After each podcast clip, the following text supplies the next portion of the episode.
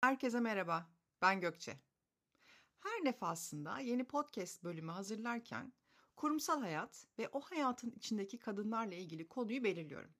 Ve tam hazırlıklarıma başlarken ülke yangın yeri, bu konuya daha sonra dönerim, gündemdeki o ülkeyi yangın yerine çeviren konuyla ilgili bir şeyler anlatmalıyım diyorum ve vazgeçiyorum. Biliyorsunuz önümüzde seçim var. Siyasi propaganda yapacak değilim tabii ki ama seçime giren kişi ve partilerinin çoğunluğunu oluşturan erkekler her seçimde olduğu gibi bu seçimde de kadınlar üzerinden vaatler vermeye ve oldukça yüksek sesle kadınlar için şunun yapılacağının, bunun kaldırılacağının sözünü aldık vesaire demeye başladılar. Yine kadınlar adına erkekler konuşuyor, kadınlar adına erkeklerin karar verici olması için propagandalar yapılıyor. İttifak metinleri, seçim propagandaları vesaire istemiyoruz artık sanırım biz kadınlar. Biz vaat de dinlemek istemiyoruz. Biz eylem görmek istiyoruz.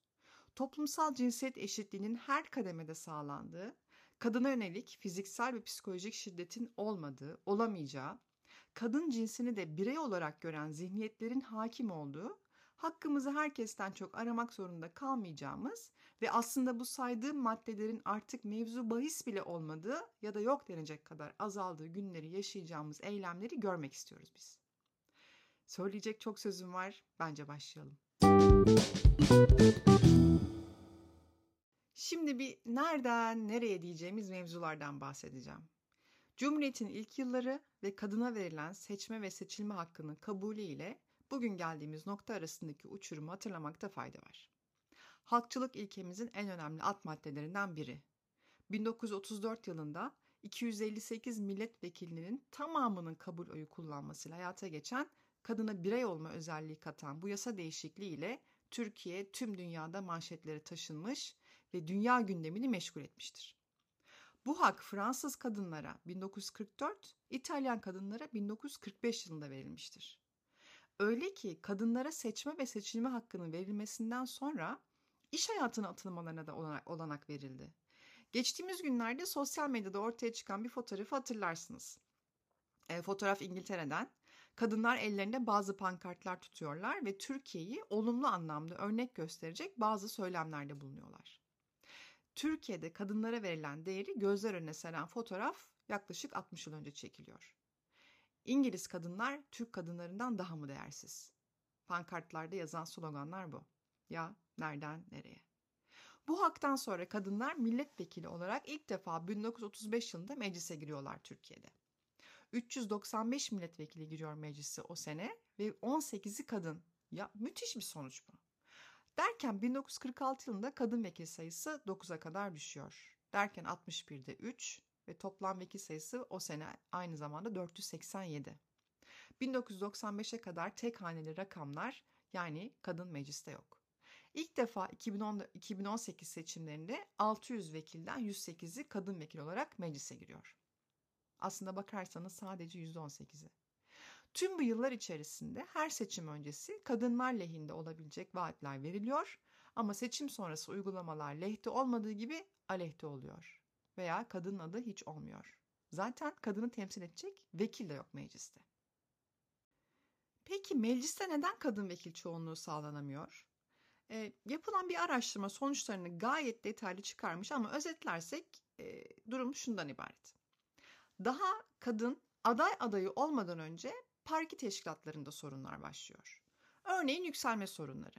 Yani önlerinin kapanması. Bu daha önce anlattığım cam tavanlar parki teşkilatlarında da var yani. Hmm, projelerinin değerlendirmeye alınmaması, kadınların hemen böyle kadın kollarına yönlendirilmesi ve böyle pasif görevler verilmesi, pasif bırakılmaları, küçümsenmeleri, beceremez mantığının siyasi toplumda da yaygın olması gibi nedenler var. Adaylık sürecine geçti diyelim. Karalama kampanyaları ve dedikodular çıkmaya başlıyor kadın aleyhinde. Hatta araştırmaya katılan bir kadının cümleleri aynen şöyle. Siyaset yapıyorsanız kadın ya da erkek fark etmez bir şekilde hakkınıza çıkacak olan karalama kampanyalarına ve dedikodularına hazırlıklı olmalısınız. Ben de bu fikir yola çıkmış olmama rağmen süreç boyunca ciddi şekilde yaralandığımı, her akşam ağladığımı hatırlıyorum. Şimdi tabii siyaset ciddi bir psikolojik savaş. E, bu savaşı kazanmak için yapılması gereken en önemli şey her ne olursa olsun ayakta kalabilmek ve yorulmadan mücadele edebilmek. Başka türlü siyasette ayakta kalmak, özellikle de bir kadın için pek mümkün değil. Bakıldığında her ne kadar erkekler tarafından da benzer deneyimler yaşansa da durumun kadınlar açısından daha kötü sonuçlar doğurabileceği açık. Öyle görünüyor. Bunun en temel sebebi kadının toplumumuzda namusu temsil etmesi ve hakkında çıkabilecek en küçük dedikodunun bile aile içinde büyük olaylara yol açabileceği, çocukları üzerinde kapanmayacak yaralar açabileceği görülebilir. Yani kadınlar hakkında çıkan dedikodular erkekler hakkında çıkan dedikodularla çok aynı olmuyor. Kadını daha çok namusu, ailesi, çoluğu, çocuğu üzerinden vuruyorlar. Gerçi erkeklerin de kasetleri falan çıkıyor, saklanıyor, bir şeyler oluyor ama ne olursa olsun yani bir kadının kaseti var denmesiyle bir erkeğin kaseti var denmesi aynı kapıya çıkmıyor. Bu da bir gerçek. Gene aynı araştırmadan bir e, araştırmaya katılan bir kadın şunu söylüyor. Birçok arkadaşımın bırakın siyaset yapmayı bırakmasını ailesini bile terk etmek zorunda kaldığına şahit oldum. Yani o kadar fazla bir baskı yaşıyorlar ki sadece kadın olarak bir işte parti teşkilatına girmek, milletvekili aday adayı olmak, hadi aday olduğu o sürece girdi. Ee, sadece parti ya da siyaseti değil ailesini bile terk etmek zorunda kalıyorlarmış. Dedikodularla baş ettiniz diyelim ailevi sorunlar başlıyor. Eşinizin ya da tüm ailenizin sizi tümden desteklemesi gerekiyor. Bu destek bazen eksik kalabiliyor.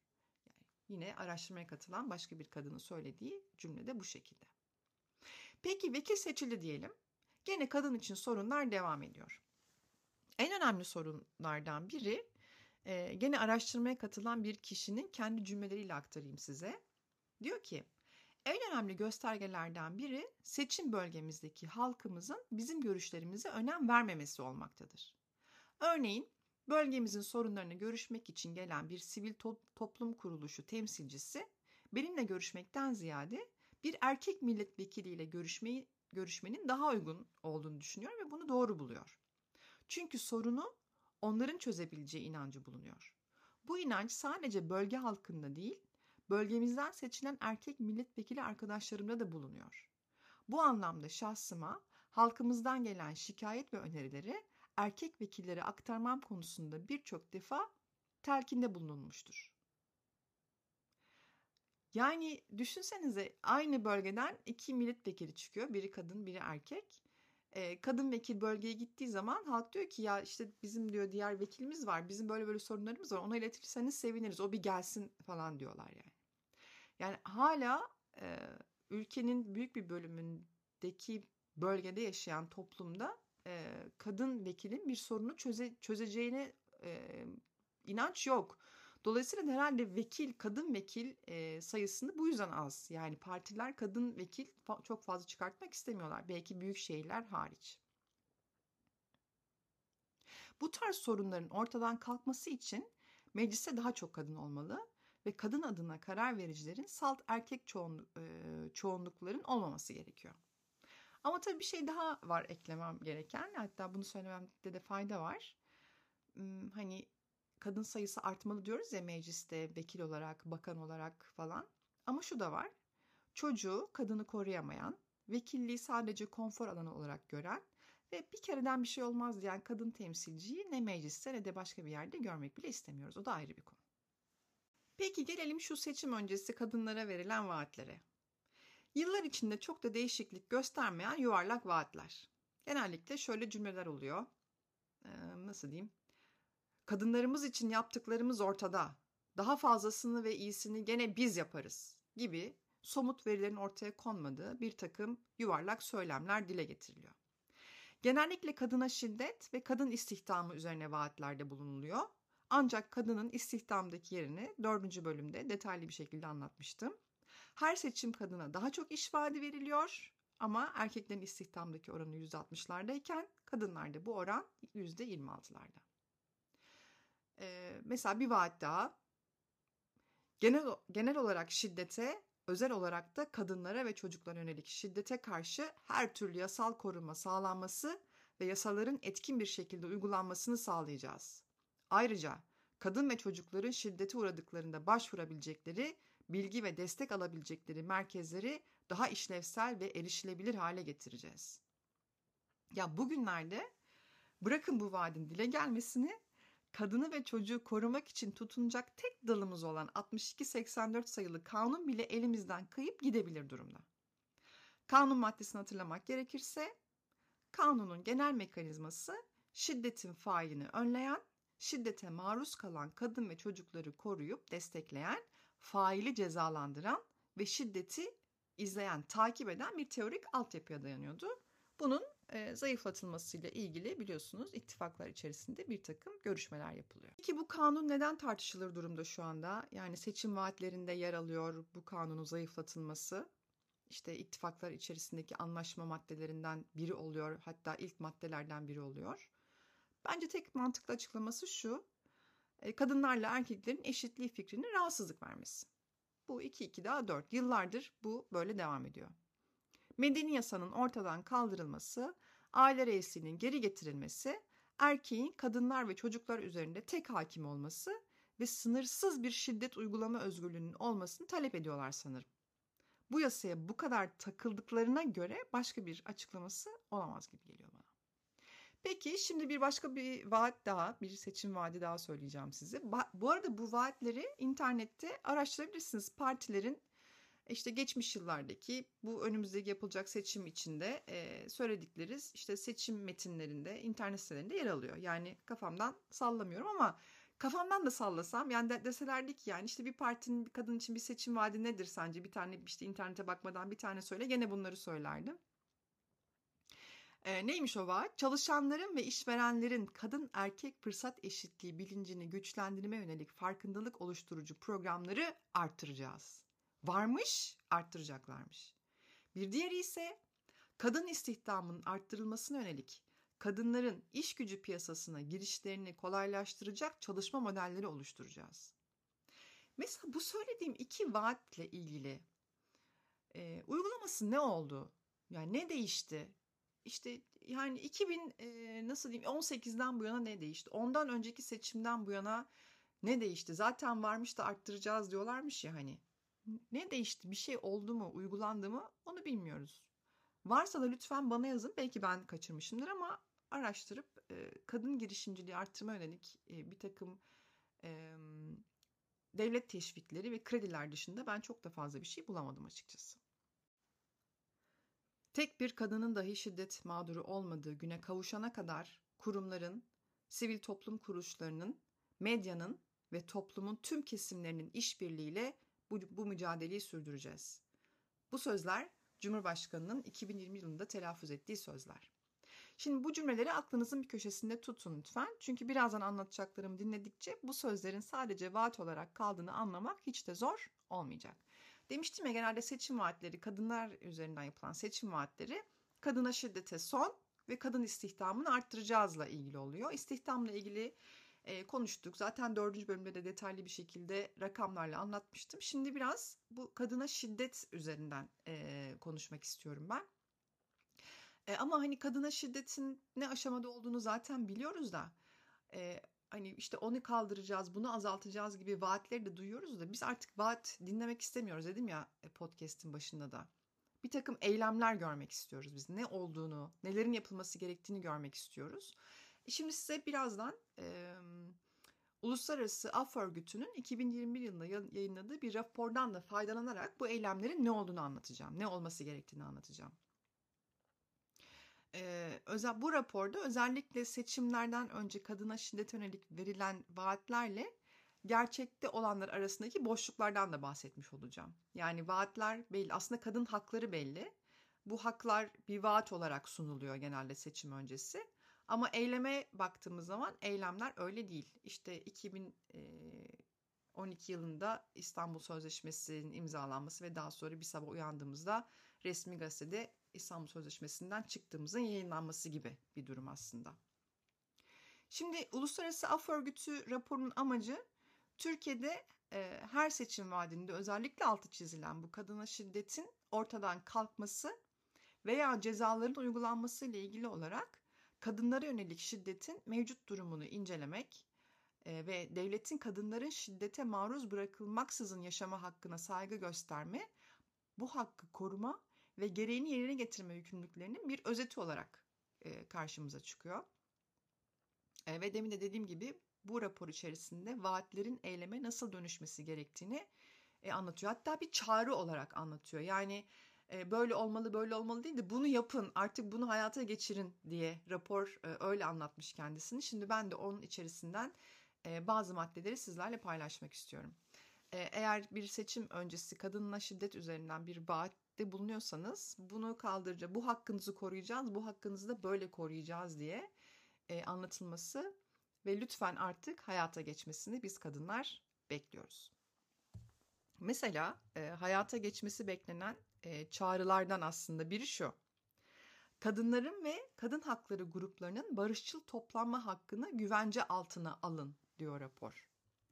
Yani e, kolluk kuvvetlerinin, kolluk görevlilerinin barışçıl protesto hakkını kullanan kadınlara ve hatta LGBT pluslara karşı hukuksuz veya aşırı güç kullanmaktan kaçınmasını sağlayın ve barışçıl toplanmalara karşı aşırı güç kullanıldığı tespit edilen kolluk görevlilerini yargılayın.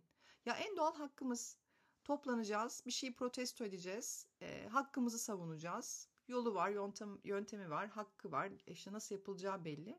Bu bile elimizden alınıyor biliyorsunuz. Yani mesela 8 Mart Türkiye'de böyle şey tüylerin diken diken olduğu bir gün mesela. İşte kadınlar çıkacak, bir şeyler söyleyecekler, haklarını arayacaklar diye ve cidden aşırı bir güç kullanılıyor. Bunun engellenmesi, bunu kullanan biri varsa da esas yargılanması gereken kişinin o olduğunu yapın artık duyuruyor, yapın diyor. Bir diğeri ise gene bu e, barışçıl toplanma hakkını güvence altına almakla ilgili yapılması gereken kadınlar ve LGBT pluslar hakkında haklarını talep etmek üzere barışçıl toplanma haklarını kullandıkları gerekçesiyle açılan ceza soruşturmalarına ve kovuşturmalarına son verin. Ya nedir bu her şeye ceza ya? Yani zaten herkes işte terörist ilan ediliyor. Herkes işte e, bir şekilde yaptığı en ufak bir şeyden bile yargılanabiliyor. Yani bu podcast'ten sonra bu benim de başıma gelebilir belki ama aslında yani bir, bir hakkımız var. Bunun bunun bir cezası olmamalı.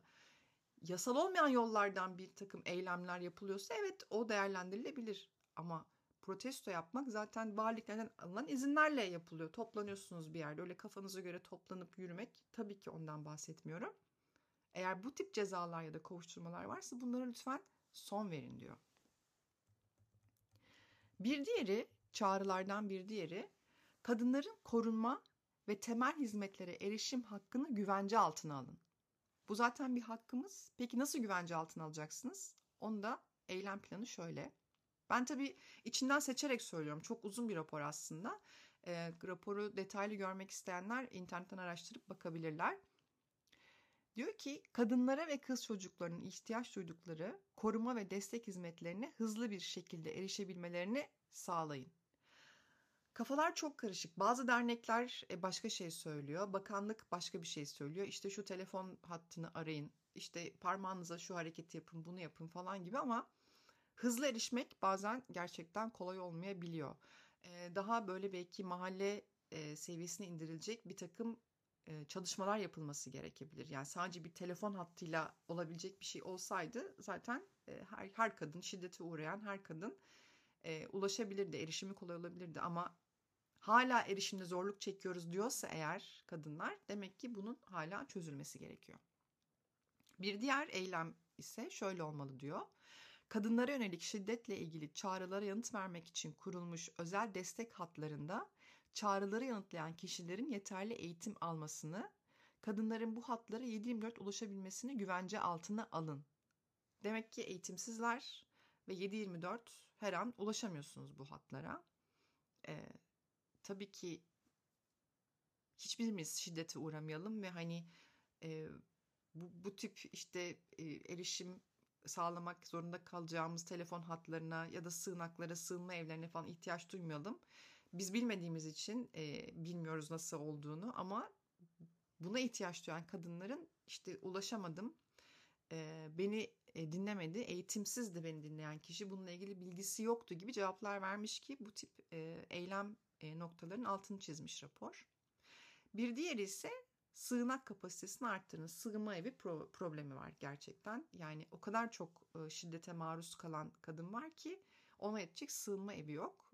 Türkiye'nin bir gerçeği bu. Madem e, henüz şiddet çözülmedi, e, kadına destek olacak sığınma evlerinin kapasitesinin arttırılması gerekiyor. Bir diğeri ise kadınların adalete erişim hakkını güvence altına alın. Bu hakkımız var. Peki güvence altına nasıl alacaksınız? Eylem planını da çıkarmış Uluslararası Af Örgütü raporunda. Diyor ki e, bir tanesi şu olabilir diyor. Israrlı takip yani dijital e, biçimleri de dahil olmak üzere psikolojik şiddet ve zorla evlendirme ceza kanununda ayrı suçlar olarak tanımlamayı içerecek şekilde kadınlara yönelik şiddete ilişkin cezai yaptırımların etkili, orantılı ve ikna edici olmasını sağlayın.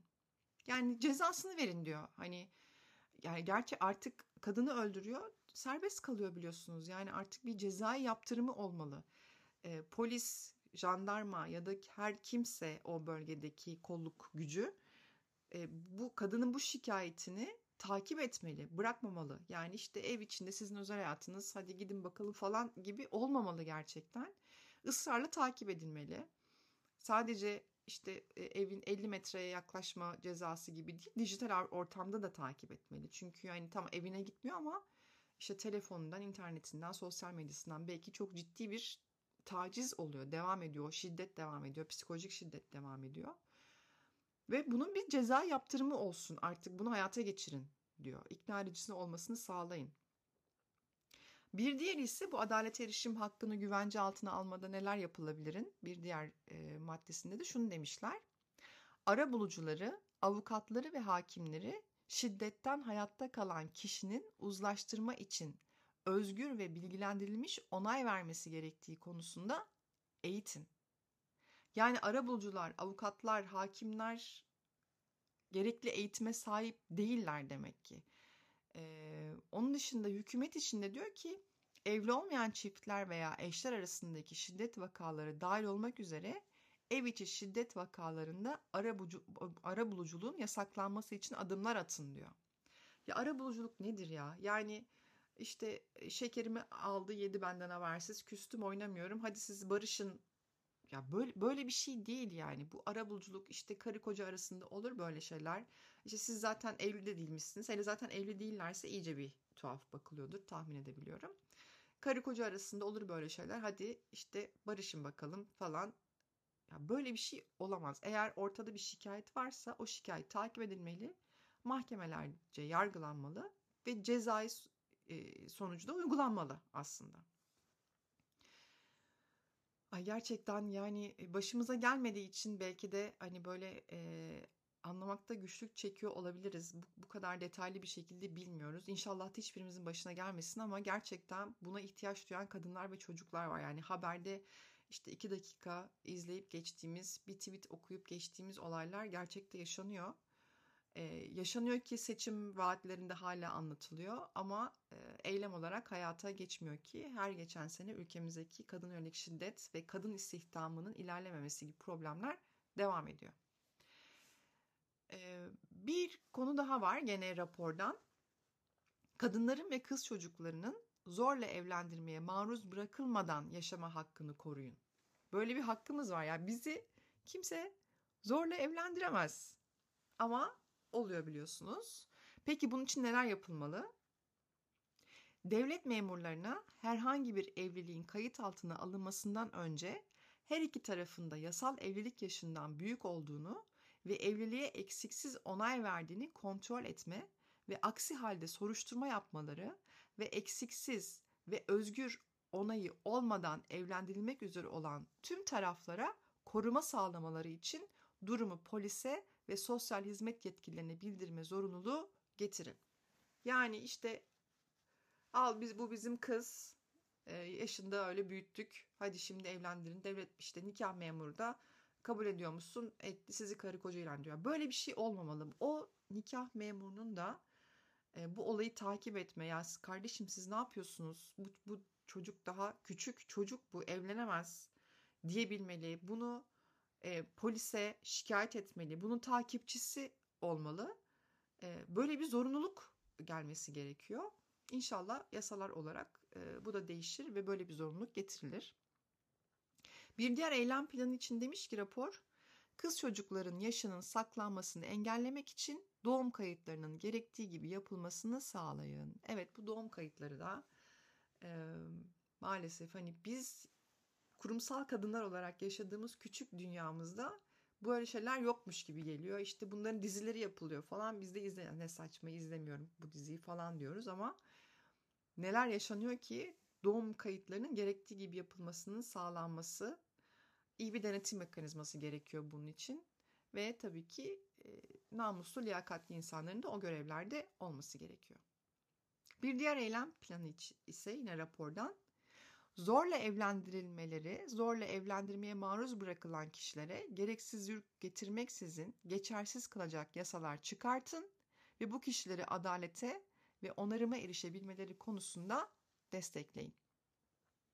Yani zorla evlendirilen birine de normal eşinden ayrılan biriyle aynı e, boşanma yasal süreçleri olmaması gerektiğini söylemek istiyor. Ben onu anlıyorum. E, ve eğer böyle hani avukat tutacak, adalete erişecek, işte e, dava açacak falan bir gücü de yoksa bunların desteklenmesi e, gerektiğiyle ilgili de bir takım e, bir şeyler daha doğrusu bir şeyler yapılmasıyla ilgili de e, eylem planı olarak not düşmüş Uluslararası Af Örgütü.